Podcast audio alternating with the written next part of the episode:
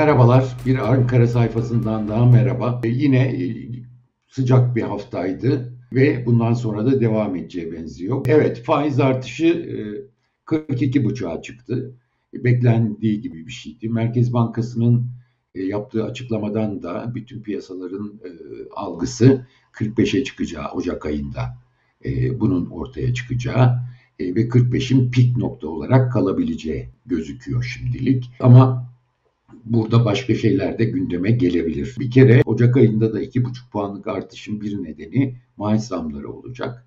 Şimdiden bazı işletmelerin e, asgari ücret yüksek olacak, yeni yılda vergi zamları gelecek diye zamları yapmaya başladığını görmeye başladı. O yüzden de Ocak ve Şubat aylarındaki özellikle enflasyon rakamlarının ne geleceği önemli olacak gibi. Yabancı raporlarda işte e, asgari ücret zammı e, yapılacak zamlar ardından e, ek talepleri gelmeye başladı. Eğer Ocak Şubat'ta da enflasyon yüksek gelirse e, yabancılardan gelen 45'in yetmeyeceği daha sonra da e, tekrar artması gerekeceği gibi talepler gelmeye başlayabilir. Şimdiden bunu söyleyebiliriz. O dönem için şimdiden e, hazırlık yapılıyor olabilir. Faiz arttırımları bence yeterince sıkı. 45'lik bir faiz oranı çok yüksek bir oran. Beklentiler de düştüğüne göre e, bunun üstüne vermek gerekmiyor bence. Ama bunun için gereken başka bir şey var. Seçimden sonra bence gecikmeden Nisan ayı içerisinde doğru dürüst bir programın açıklanması ihtiyaç. Böyle bir işaret var mı dersek AKP'de bunu görmüyoruz. Cumhurbaşkanının çevresinde bunu görmüyoruz. Ama e, aldığımız ilk işaretler Mehmet Şimşek'in e, Mali ve Hazine Bakanlığı'nda bu tür çalışmalar yaptırdığı yönünde gecikmemesi gerekiyor açıkçası. Yani Haziran'a kalması halinde bile e, bu trendde bir aksama olabilir. Asıl istediğimiz yabancı sermaye, doğrudan yabancı sermaye girişi için gerçekten köklü bir şeye ihtiyacı var. Ya, hep söylediğimiz gibi en azından Merkez Bankası, TÜİK gibi kuruluşların bağımsızlığı gündeme gelmeli. Aksi takdirde yabancı sermaye girişinin devam etmesi, doğrudan sermaye girmiş, girmesi biraz zor olacak gibi gözüküyor. İndirimler ne zaman başlar? Daha önce de söyledim. Mehmet Şimşek uzun süre faizin yüksek kalabileceğini söyledi. E, yabancı banka raporlarında gördüğümüzde yılın son çeyreğinde 2024'ün son çeyreğinde başlayabilir gibi mesajlar şimdiden gelmeye başladı. E, onu da söyleyelim ama indirimi konuşmak için erken e, bence de. Bir e, seçimi görmemiz lazım. Seçimden sonra atılacak adımları, yapısal tedbirleri, bir bütün ekonomik program olacak mı? Onu görmemiz lazım. Yoksa Mehmet Şimşek'in OVP ile biz bu işi hallederiz havasının yeterli olacağını sanmıyorum açıkçası. Ee, çok ciddi vergi düzenlemeleri, mali tedbirler, tasarruf tedbirleri her şeyden önce gerekiyor. Çünkü bir tek vatandaş tasarruf ediyor gördüğümüz kadarıyla. Kamu bile tasarruf etmiyor. Zaten Mehmet Şimşek de tasarruf lafını unutmuş görünüyor. Artık e, o lafı değiştirdi. Kamu harcamalarının rasyonelleşmesi diyor tasarruf yerine. Bu da çok zorlanacağını açıkçası kamuda tasarrufta zorlanacağını açıkça gösteriyor. Şimdi sıra parasal sıkılaşmaya geldi. Dediğimiz gibi 17 yıl sonra depo ihaleleri başladı. İlk ihale yapıldı Cuma günü 80 milyar lirayla başladılar. Her gün 80 milyar liralık alım ihalesi yapacaklar. 15 günlüğüne yapıyorlar. Cuma günü görünen 250 milyar TL civarında bir likidite fazlası vardı. Bunu çekmeye çalışacaklar. 42-18 e, oldu ilk ihaledeki e, sonuç, faiz sonucu. Yani Merkez Bankası verdiği parayı, Türk lirasını swap karşılığında olsun, API'den olsun verdiği Türk lirasını 42-18'de geri çekmeye e, başladı.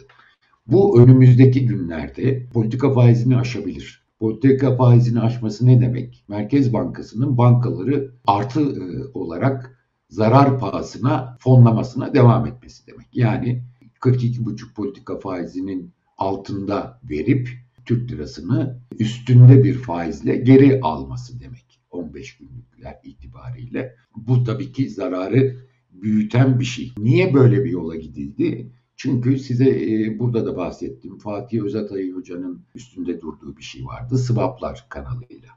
politika faizi artmadan önce swap ihalesi yapılıyor. İşte daha eski faizin altında 6 5,5 6,5 gibi altında faizlerle fonlanıyor piyasa diyorduk. Bu bankaların da işine geliyordu. Yurt dışından borçlanıp bunu getirmeye devam ediyor. Hala da işine geliyor. Swap'tan vazgeçmiyor Merkez Bankası.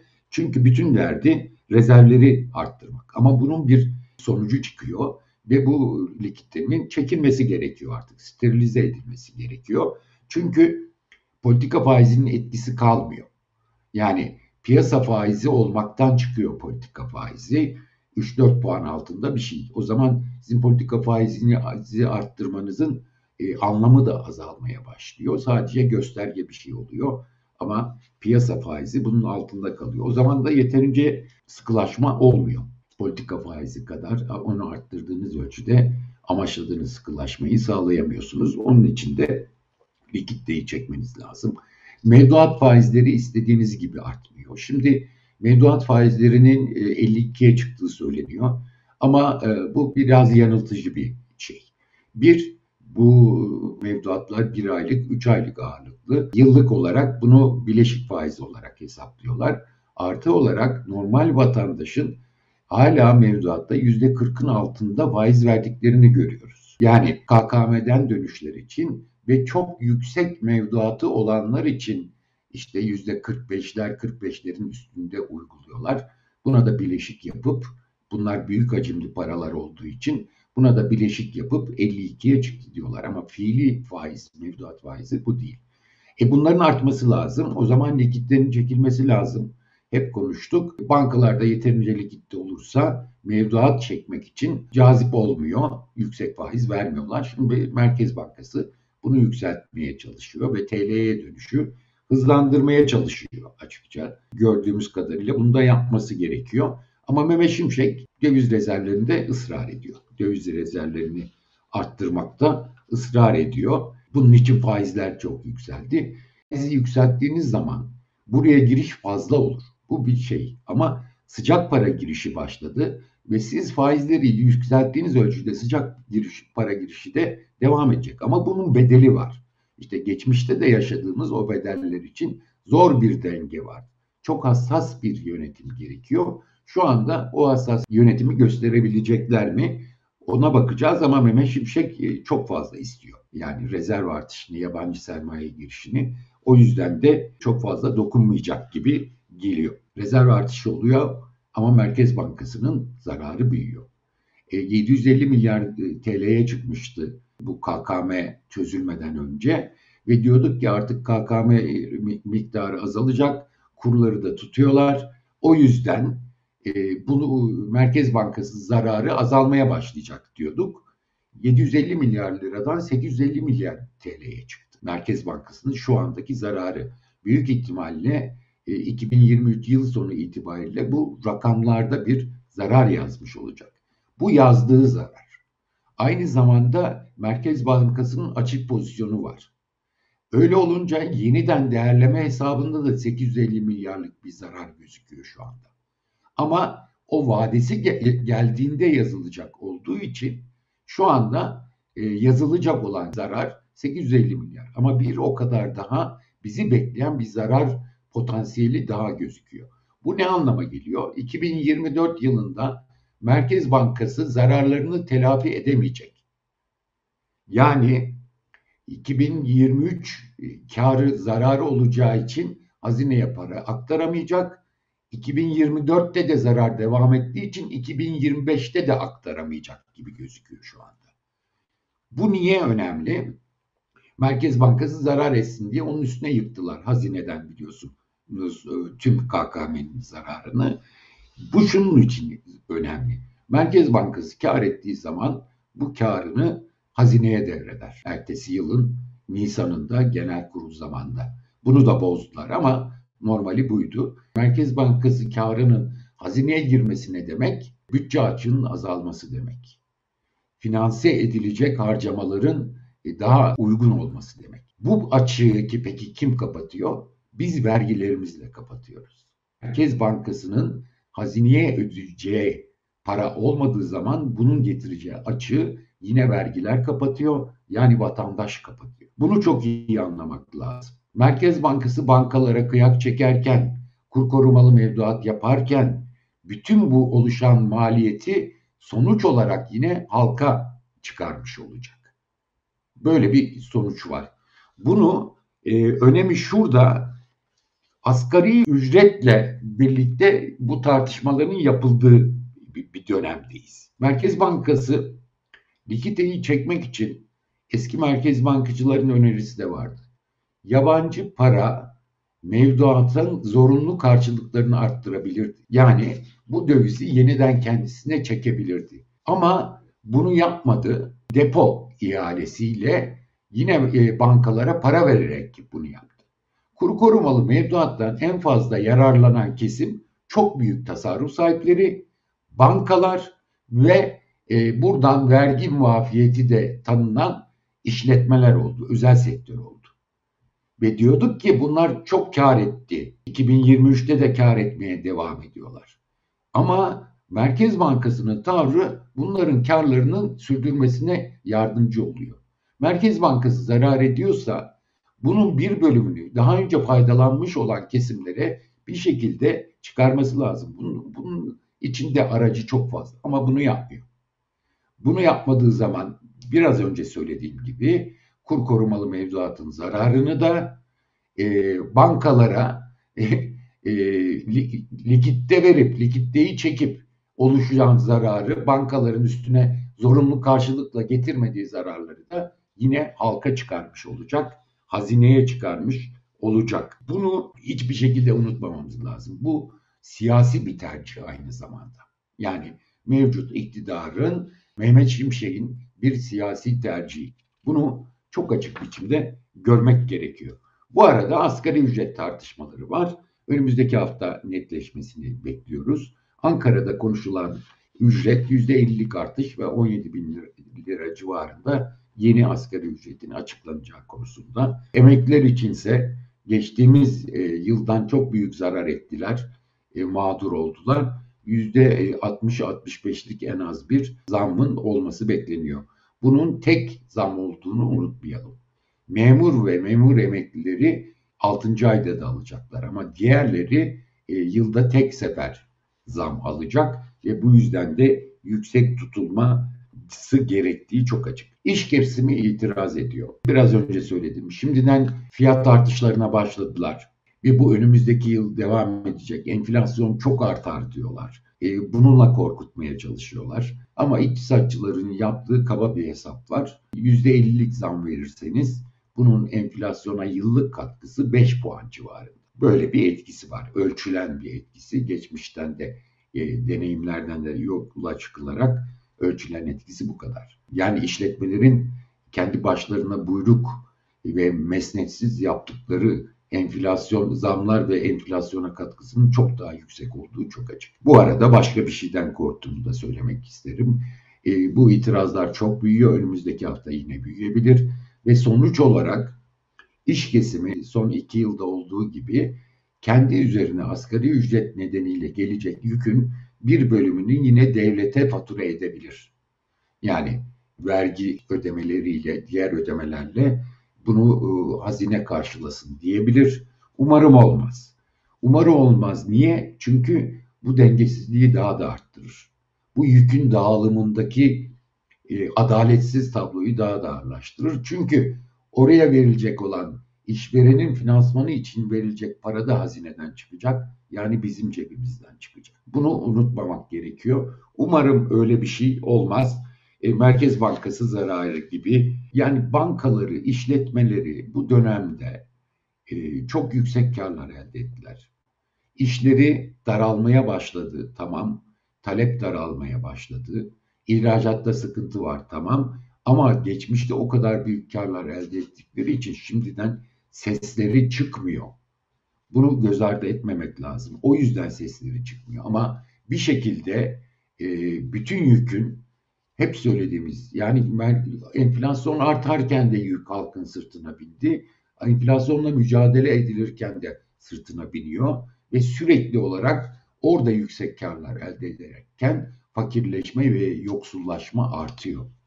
Bütün bunların siyasi birer tercih olduğunu unutmayalım lütfen. Ve üzerinde durmak gerekiyor bunun. Ve ekonomi basını da dahil bunu e, duyması, e, yapması gereken şeylerin arasında başta geliyor benim kanaatime göre. Gaye Erkan'ın bir e, Ahmet Hakan'a konuşması oldu. E, ibretlik bir şeydi. Çok açıkça yani orada işte Cumhurbaşkanı'na 3 alan seçin. Ben bunu destekleyeyim. Kişisel olarak PR çalışmasını andıran şeyler. Bu bana neyi e, hatırlattı biliyor musunuz? Hep liyakat diyoruz ya son yıllarda çok moda oldu. Liyakatlı kadrolar, liyakatli kadrolar.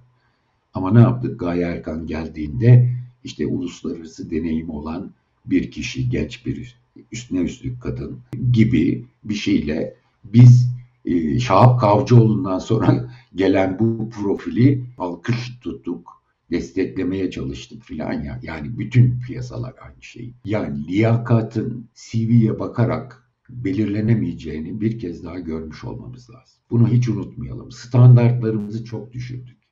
Türkiye'nin insan kaynakları bununla yetinmemizi gerektirmeyecek kadar yüksek seviyede bir insan kalitemiz var. Size şunu söyleyeyim. Rüştü Saraçoğlu Merkez Bankası Başkanlığı yaptı. Yani ekonomi literatüründe katkısı olan biriydi. Ve geldi Türkiye'de Merkez Bankası Başkanlığı yaptı. Ama nasıl yaptı biliyor musunuz? Yani Gaye Erkan'la kıyaslamak için söylemiyorum. Yani kırat olarak 100, 100 kattan fazla kıratının yüksek olduğunu herkes biliyor.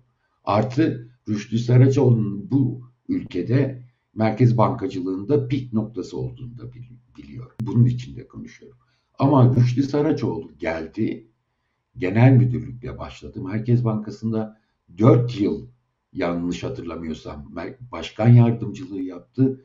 Daha sonra Merkez Bankası Başkanı oldu ve Merkez Bankası Başkanlığı bütün uluslararası camiada örnek gösterilen biriydi. Düşünebiliyor musunuz? Şu anda bankacılık kesiminin güçlü olduğunu, bütün ekonominin lokomotifi olduğunu söylüyoruz ya. Bunun yaratıcılarının en büyük aktörlerinden biri Rüştü Saraçoğlu'dur. O dönemde bile.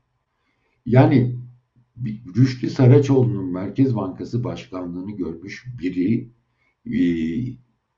bir süreçten geliyoruz. Tabii ki Şahap Kavcıoğlu değildi.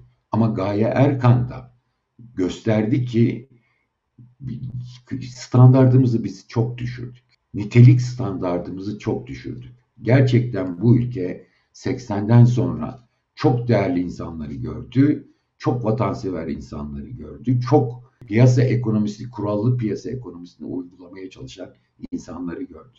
Bu yeni aktörler, piyasadaki yeni insanlar da bunları bilmiyor olabilir. Ama bunları hatırlatmak gereğini, e, Gaye Erkan'ın konuşmasını görünce bir kez daha hatırlatmak gereğini hissettim. Çünkü aşırı biçimde standartlarımızı düşürdük. Biz bunu biz buna layık değiliz. Çok açık biçimde bunu söyleyeyim. Kimseyi suçlamak için söylemiyorum. Genel olarak ülkenin ekonomisi için söylüyorum. Ee, ekonomik performansı için yapılması gerekenler dolayısıyla halkın ödeyeceği faturanın azalması için söylüyorum. Hepsi bunların birbiriyle ilintili. Şimdi yapılan siyasi tercihler insan kalitesiyle çok önemli. Bunun sonuçlarını ölçmekle çok önemli. E, ve toplumsal olarak maliyetin dağıtımıyla çok ilgili. Bununla birlikte e, bu şeyler olurken e, dediğim gibi bir arkadaşımı kaybettim. Bilal Çetin, ekonomi basının duayen isimlerinden biriydi, usta isimlerinden biriydi. Benim rakibimdi benden önce başlamıştı işe ve ben e, gazeteciliğe başladığımda Bilal Çetin'in e, yaptığı haberleri yapabilmek için benim yetişmemde de çok büyük katkısı oldu. Aynı zamanda iyi arkadaşımdı. O zamanlar yine rekabet de centilmenlik içinde olurdu ve insani değerleri yüksek olurdu. Normal yollarla, kurallı, bir biçimde rekabet de olurdu ve hepimizi yukarı çeken bir rekabet olurdu. Bu hep o zaman Bilal Çetin'i düşündüm. Bilal Çetin benim olmak istediğim ekonomi muhabiriydi. çok fazla katkısı oldu. Vefat haberini duyar duymaz ilk aklıma gelen şey e, Merkez Bankası'nın kapısında, arka kapılarında, gizli çıkılan kapılarında gece 2 ya da 3'tü ben e, banka meclisi üyeleri çıkacak da ben oradan bir şey alacağım diye beklerken e, ve bir, bir tek ben olduğumu sanırken beklediğim otobüs durağının e, biraz altında Bilal Çetin'in de aynı gayeyle orada beklediğiydi. Gece gündüz çalışarak 80'den sonra ekonomi değişirken, ekonomi basımında değişirken bu çabaya ortak olmuştuk. Gerçekten değerli kişilerle ve e, hem meslek açısından hem muhatap olduğumuz insanlar açısından, devlet yönetimi açısından böyle bir şeyle çalışmıştık. Ve yine e, standart meselesi geldi aklıma. Standartlarımızı düşürmeyelim. Mevcut standartlara bakarak bizim standartımızın bu olduğuna ya da bununla yetinmek zorunda olduğumuzu hiç düşünmeyelim diyorum. E, biraz da kişisel bir yayın oldu. Önümüzdeki hafta tekrar buluşmak üzere.